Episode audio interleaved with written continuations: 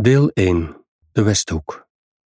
Het wezen. Er bestaat misschien zoiets als het wezen van de Westhoek. Misschien is het een geest, een daimon, een genius die niet bestaat als lichaam, maar toch sluipt en heerst in het West-Vlaamse landschap. Altijd opnieuw lijkt deze geest te verschijnen, in de huizen, de dorpen en langs de wegen.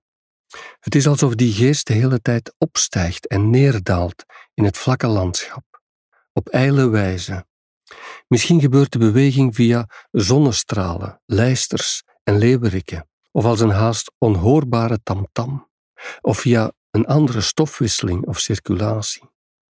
Men kan hem horen hijgen tussen de woorden die de mensen zeggen, in het corpus van zinnen en verhalen die men elkaar vertelt.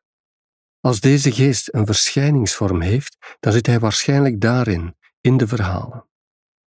Ook zijn er mensen die de geest kunnen waarnemen in de dikke mist die in de westhoek hangt, als een deken van as, als gescheurde flarden van oude gordijnen, in mistlierten over de akkers onder de herfstmaan. De geest.